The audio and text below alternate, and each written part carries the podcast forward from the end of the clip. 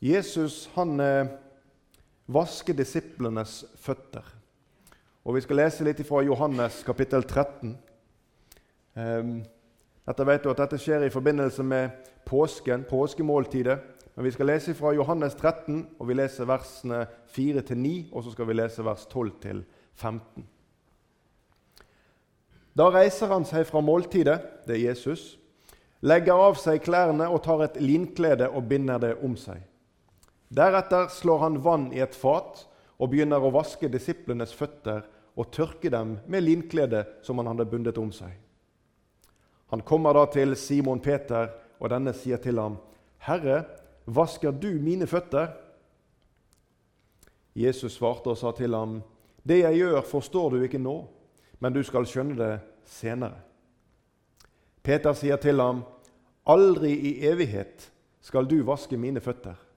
Jesus svarte ham, 'Dersom jeg ikke vasker deg, har du ingen del med meg.' Simon Peter sier til ham, 'Herre, ikke bare mine føtter, men også hendene og hodet.' Vi leser videre fra vers 12. Da han hadde vasket føttene sine, eh, da han hadde vasket føttene deres og tatt på seg klærne, satte han seg til bords igjen. Så sa han til dem, 'Forstår dere hva jeg har gjort med dere?' 'Dere kaller meg mester og herre.' Og med rette sier dere det, for jeg er det. Når da jeg som er herre og mester, har vasket deres føtter, så skylder også dere å vaske hverandres føtter. For jeg har gitt dere et forbilde, for at også dere skal gjøre som jeg har gjort mot dere. Når Jesus vasker disiplenes føtter, så er det jo etter jødisk tradisjon de satt jo ikke til bords slik som vi gjør her hos oss. De lå til bords. Og det var et viktig element i forberedelsen til måltidet at føttene skulle være vasket. Dette var en oppgave som eh, gjerne tilhørte en slave eller en lavtstående tjener. Dette er ikke en oppgave som venner gjør for hverandre, og enda mindre en oppgave som en en herre i huset, eller som for disiplenes del deres herre og mester skulle ta på seg. Det var aldeles uhørt. Og på en måte veld, Veldig kontroversielt, det Jesus gjør her. Det er stikk i strid med det som var skikk og bruk. Det bryter med tradisjoner. Og slik er på en måte Jesus når vi ser på han igjennom hans liv. Så er Jesus veldig kontroversiell. Han tar et oppgjør med de skriftlærde og med fariseerne. Jesus han går andre veier enn det som mennesker rundt ham ville forvente. Han gjorde andre ting enn det som jødiske ledere ville forvente. Jesus han vasker disiplenes føtter denne dagen. Det som er bunnlinja i dette, og som vi skal fokusere på gjennom dette møtet, det er at Jesus gjennom dette og gjennom andre ting vi også skal dele sammen, han lærer og istandsetter disiplene sine gjennom ord og gjennom handling. De ting som Jesus gjør, og som Jesus sier, det har et mål i seg. Jesus gjør aldri noen ting, verken da eller nå, uten mål og mening. For de menneskene som sto rundt Jesus, og som betraktet de tingene han gjorde der og da, så hadde de nok mange spørsmål. Akkurat slik som Peter protesterte når Jesus skulle vaske hans føtter. Han forsto det ikke. Men Jesus sa til Peter at det jeg gjør nå, det forstår dere ikke, men dere skal forstå det seinere. Jesus han lærer å istandsette disiplene, og jeg skal vise til noe av dette. Gjennom de lignelsene som Jesus forteller, som disiplene lytter til, eller når han snakker med dem direkte, så har Jesus poenger som han ønsker å forplante i disiplenes hjerte for den gjerning som de skal gjøre for det himmelske riket seinere. Og igjen, de forstår det kanskje ikke da, men det Jesus gjør, og det Jesus sier, det skal komme til å prege disiplenes evangelisme den dag de stiger inn i den gjerning som Jesus har tenkt for dem. I disse lignelsene så bruker Jesus hverdagslige eksempler fra datiden for at menneskene rundt ham skulle forstå hva han sa.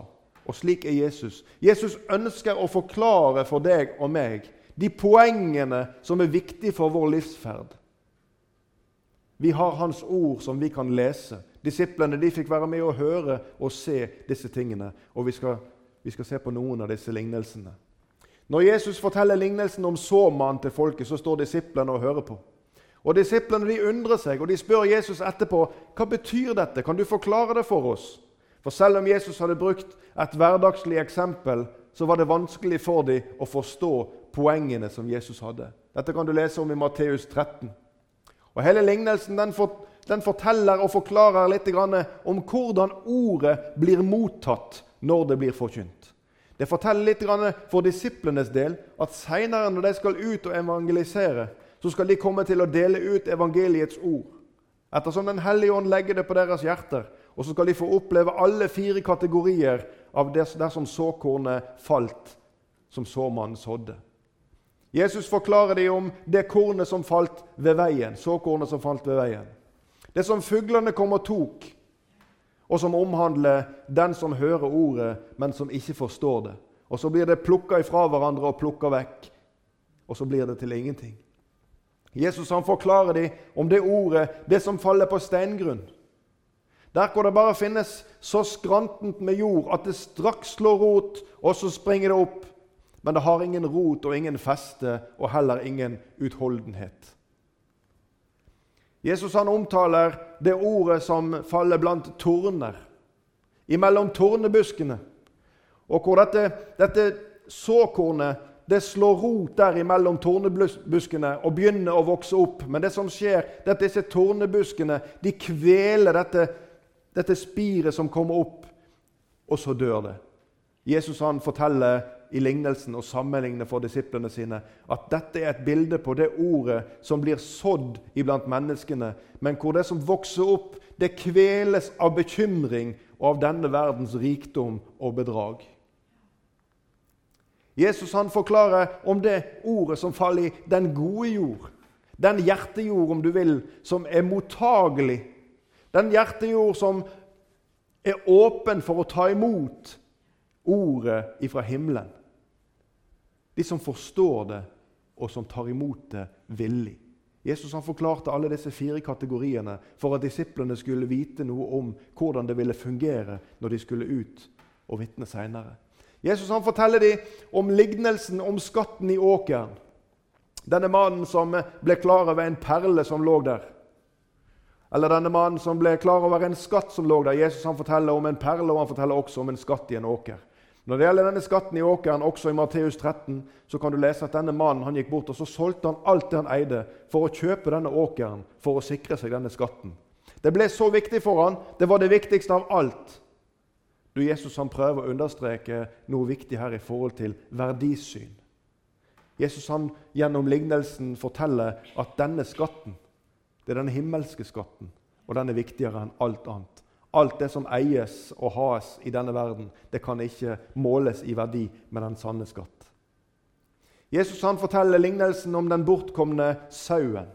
Han forteller om hyrdens rette omsorg Jesus han forklarer om at alle de 99 sauene av de 100 de var der i trygghet, men der manglet én. Så hva gjør hyrden? Jo, hyrden han går på leiting etter denne ene som har rota seg bort.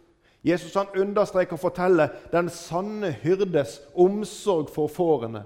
Jesus han peker med dette ikke bare på disiplene, men på deg og på meg. De gangene når vi roter oss bort og ikke finner veien tilbake igjen på egen hånd, så skal vi slippe å fortvile. For hyrden han er ute og leter etter den bortkomne. Han klatrer ned på den ytterste fjell, fjellnubb for å hente dette lammet som har ramla ned der. Og han setter livet til, for det er så viktig for han at denne ene må komme inn i trygghet. Jesus han har omsorg for den ene. Han bryr seg så inderlig om deg. Jesus han forteller lignelsen om den bortkomne sønn. Han som trosser far og, og alle hans verdier.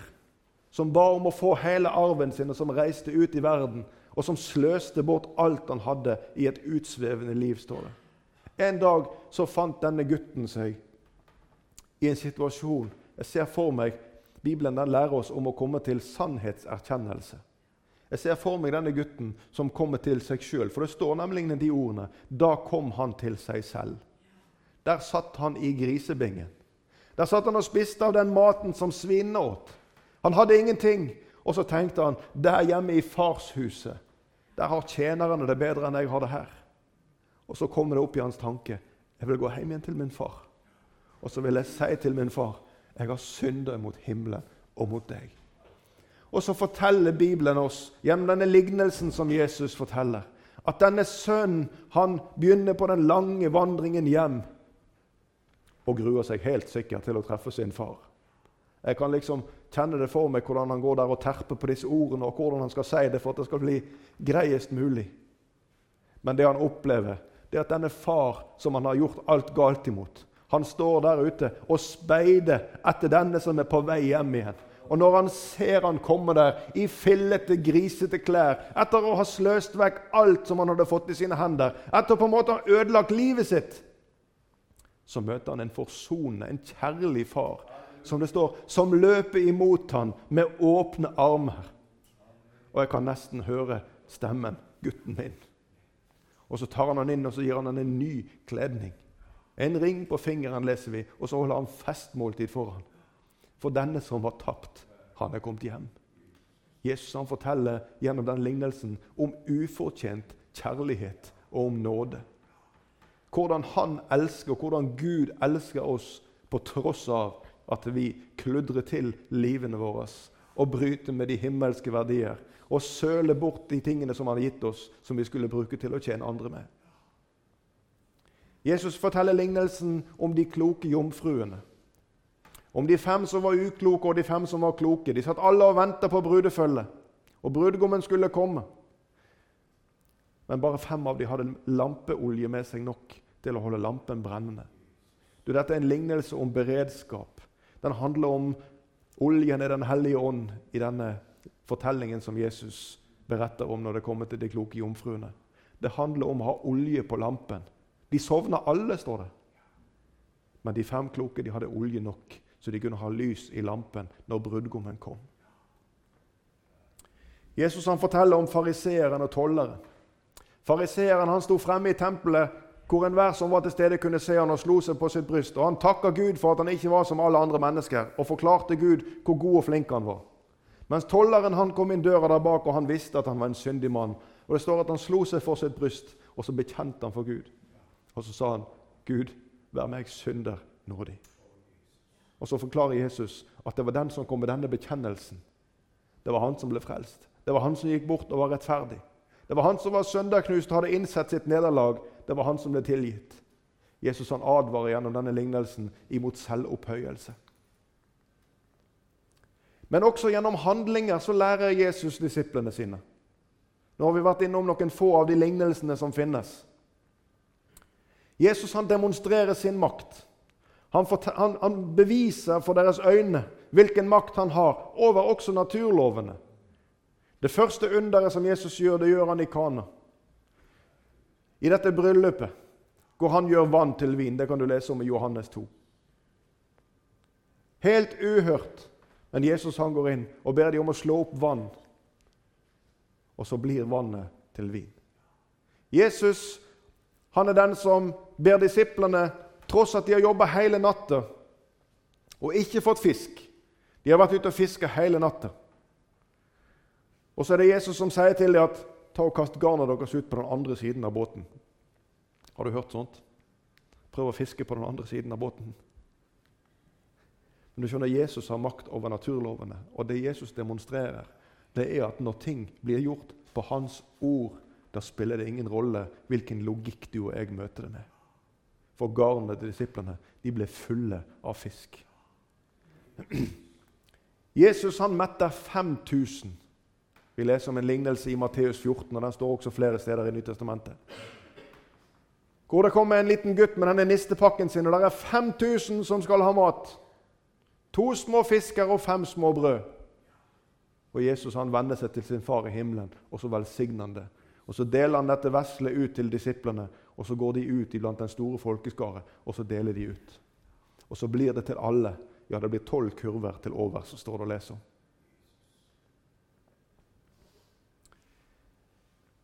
Jesus han eh, er med disiplene i båten på Genesaretsjøen. Du kan lese om det i Matteus 8 og også flere steder.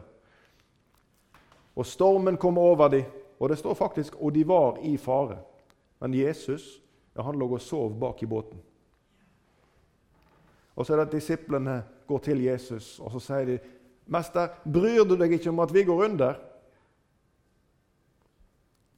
Og Så kunne vi hatt bibeltime om akkurat det, men det skal vi ikke ha i dag. Og så er det at Jesus han reiser seg opp og så sier han, 'Hvor liten tru dere har.'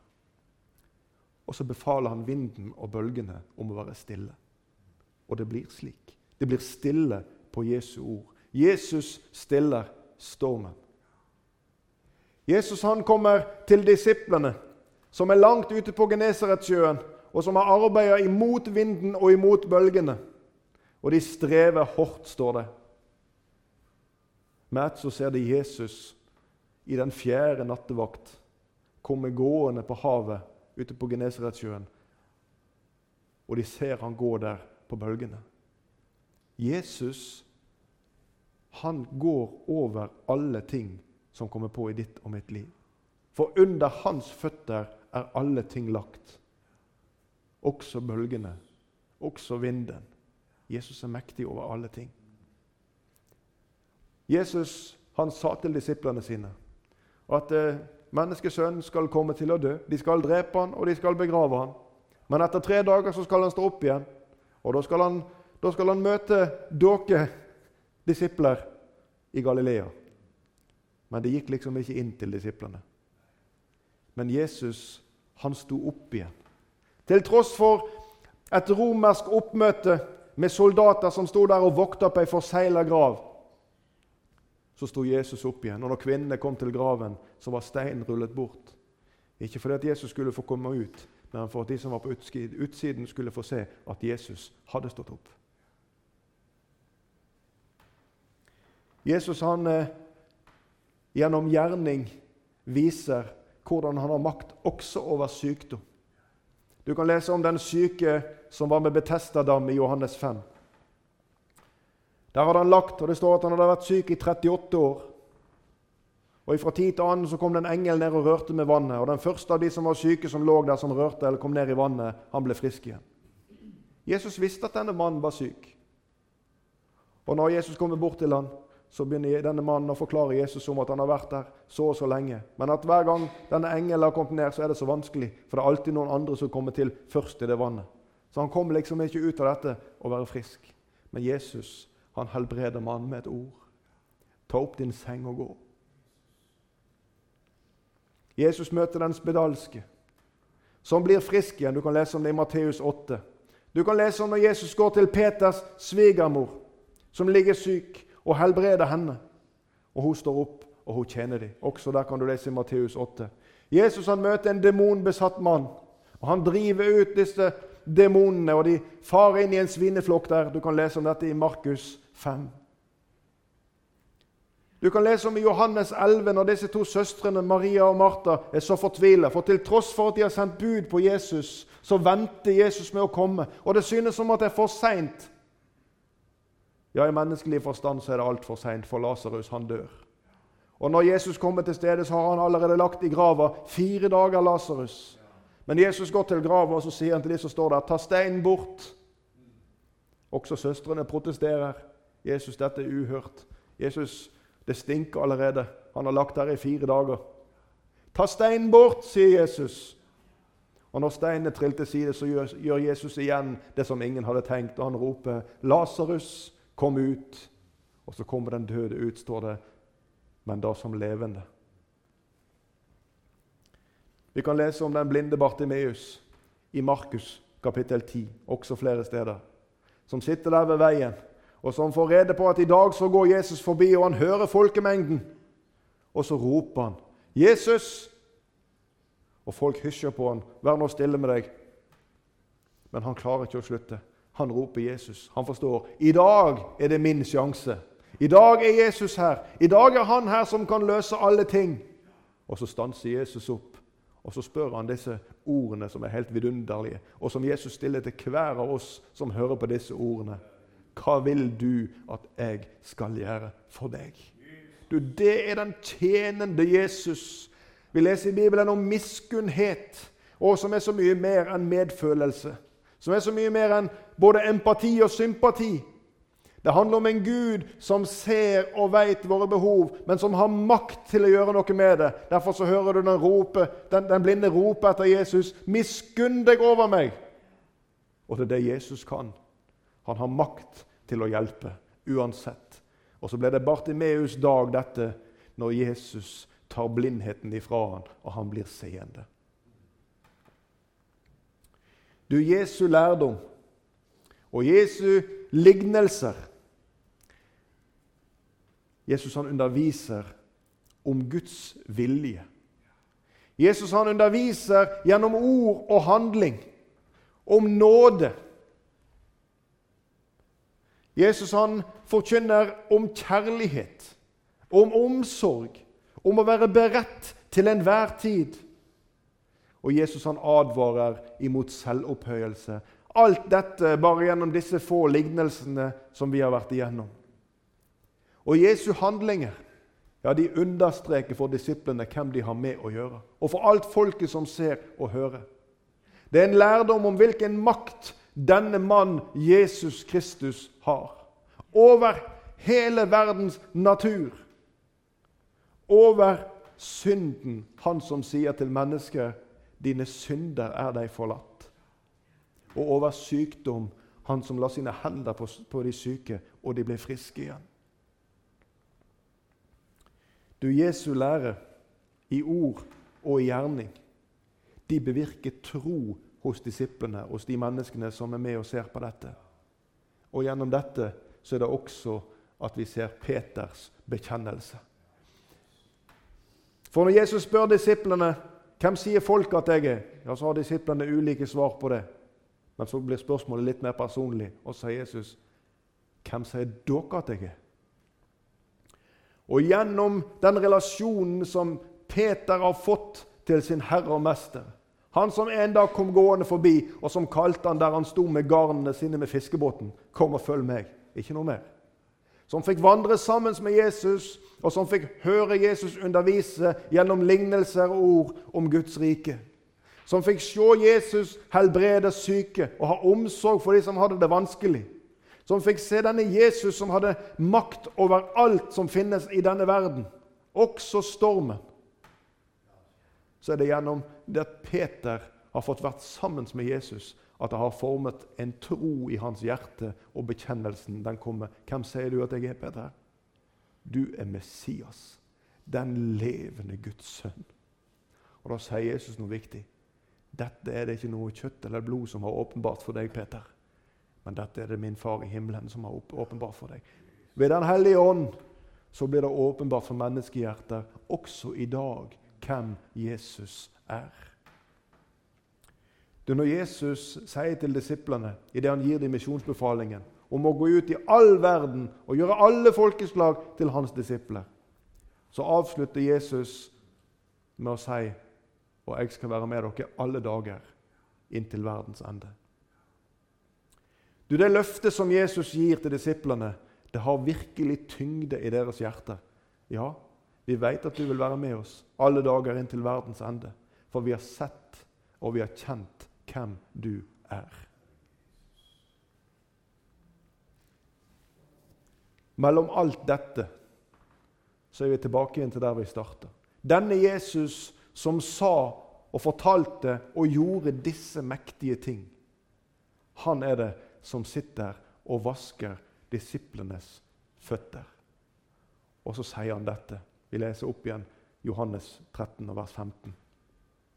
For jeg har gitt dere et forbilde, for at også dere skal gjøre slik som jeg har gjort mot dere. Jesus hadde en opphøyd posisjon iblant disiplene. Og Jesus kunne hatt en opphøyd posisjon i denne verden. Ja, de prøvde endog til å gjøre han til konge. Men det var ikke hans rolle. Det var ikke hans gjerning. Hans gjerning var å gjøre hans vilje, som hadde sendt han, sa han. Slik som jeg har gjort mot dere, skal dere gjøre mot hverandre. I 1. Peters brev, kapittel 4, vers 10, så står dette bibelverset Ettersom enhver har fått en nådegave, så tjen hverandre med den, som gode husholdere over Guds mangfoldige nåde.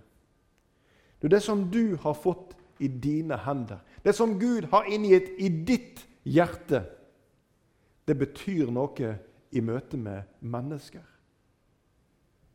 Den omsorg som Jesus viste for andre og for deg, den skylder du å vise imot andre. Og Når det kommer til nådegavene, så skal vi heller, det kunne vi også hatt bibeltime om.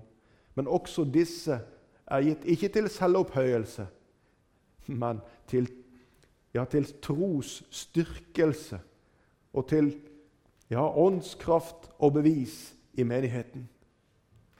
For at vi skal kjenne at Gud er mektig til stede. Du som er utrusta av Jesus på ulikt vis. Dette er en del av det oppdraget som Jesus demonstrerte sjøl. At du skal tjene. Jesus han hadde alle disse gavene. Han kunne gjøre alle disse tingene som han fortalte om, og som han, vi ser at han gjorde gjennom under og tegn. Og Jesus gjorde det aldri til selvopphøyelse, men han brukte det til et bevis for å vekke troen til liv hos mennesker. I Johannes 15, 12, der står det dette er mitt bud, at dere skal elske hverandre liksom jeg har elsket dere. Det betyr at noen velger å stå ekstra lenge igjen for å være med og rydde opp. Det betyr at noen velger å være med på en spennende utflukt fordi det er noen som er syk, som trenger besøk. Det betyr å sette de andre sitt behov noen ganger foran vår egen vilje og vei. Det poenget, det poenget som Jesus gjør ut av denne fotvasken som han gjør for disiplene. Det handler om et fellesskap som er langt mer enn bare det å komme sammen og se på hverandre i det ytre. Det handler om Jesus som deres herre og mester, som fornedrer seg til denne rollen for at de skal få se hans ekte kjærlighet, omsorg. Men Jesus han går enda lenger, og han sier at dette er et premiss for fellesskapet. I det han sier til Peter at dersom jeg ikke vasker deg, så har du ingen del med meg. For at fellesskapet med Jesus ved bordet, ved måltidet, skulle bli et faktum, så var det et premiss å la seg vaske av Mesteren. For den som tar imot vasken, og vi ser at Peter han endrer dramatisk mening ifra å si at 'aldri i evighet skal du vaske mine føtter', når Jesus får forklart han dette, så sier han at ja, da er ikke det bare føttene, da er det hendene og hodet òg. Da blir det veldig viktig for Peter at Jesus må få gjøre en, en ordentlig gjerning på han. Du, For den som tar imot denne fotvasken, for den som tar imot og blir rensa fra alt det som denne verden legger på oss av smuss underveis, for at vi skal kunne få være i et ektefølt forhold med Jesus, i et ektefølt måltidsfellesskap med Jesus, så ligger det en erkjennelse. Ja, Jesus, jeg trenger at du vasker mine føtter. Du, Ydmykhet og selvoppofrelse det er byggesteiner som er helt essensielle i Guds rike. Og det er byggesteiner som har en himmelsk verdi.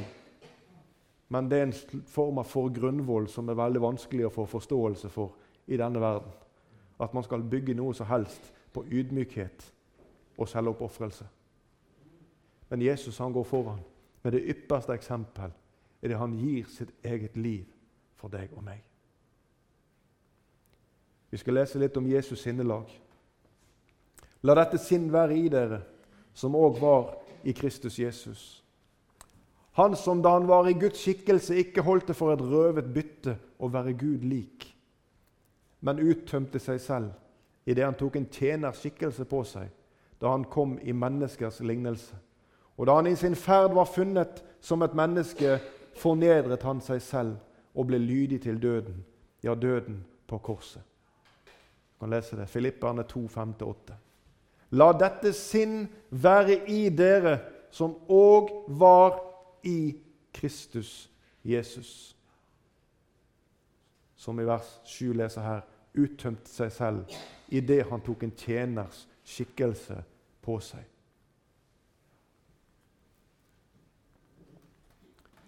Da jeg har lyst til å slutte av og si at Jesus han har gitt oss det beste eksempel på hvordan vi skal være mot hverandre. Jesus han har gitt oss det beste eksempel på hvordan du og jeg som allerede har fått del i evangeliet, skal være mot de som fortsatt står utenfor. Jesus han har demonstrert ekte kjærlighet. Ja, en kjærlighet som er ubetinget, en kjærlighet som du og jeg aldri vil klare å vise fullt ut slik som han gjorde det. For det står at Kristus døde for oss mens vi fortsatt var syndere. Mens vi ropte, mens menneskeheten ropte og hånte han, ja, så valgte han å henge på korset. Han hadde makt til å stige ned. Han valgte å gi sitt liv i andres sted. Du, I Galaterbrevet kapittel 5 av vers 13 der står det en del av dette verset. Tjen hverandre i kjærlighet. I dag har vi årsmøte her i Arken, og vi skal snakke om menighetsarbeidet. Året som ligger bak oss, og året som ligger foran oss. Og Dette det er en grunnvoll for det som denne menigheten står på. Om å tjene hverandre i kjærlighet. Den kjærlighet som Jesus utviste til vårt eksempel. Herre Jesus, vi ber om at du må hjelpe oss til bedre å forstå ditt eksempel. Herre, vi kommer til stadighet i den situasjonen at vi innser at vi setter vår egen vilje, vår egen lyst og vår egen vei fremfor å gjøre det som du ville vi skulle gjøre. Hjelp oss, Herre, å være ekte for deg. Hjelp oss, Herre, å bruke de tjenestegaver som du gir hver og en av oss. Hjelp oss, Herre, å utvise den kjærlighet til menneskene rundt oss som du gjorde. Hjelp oss, Herre Jesus, å være dine disipler i verden. Amen.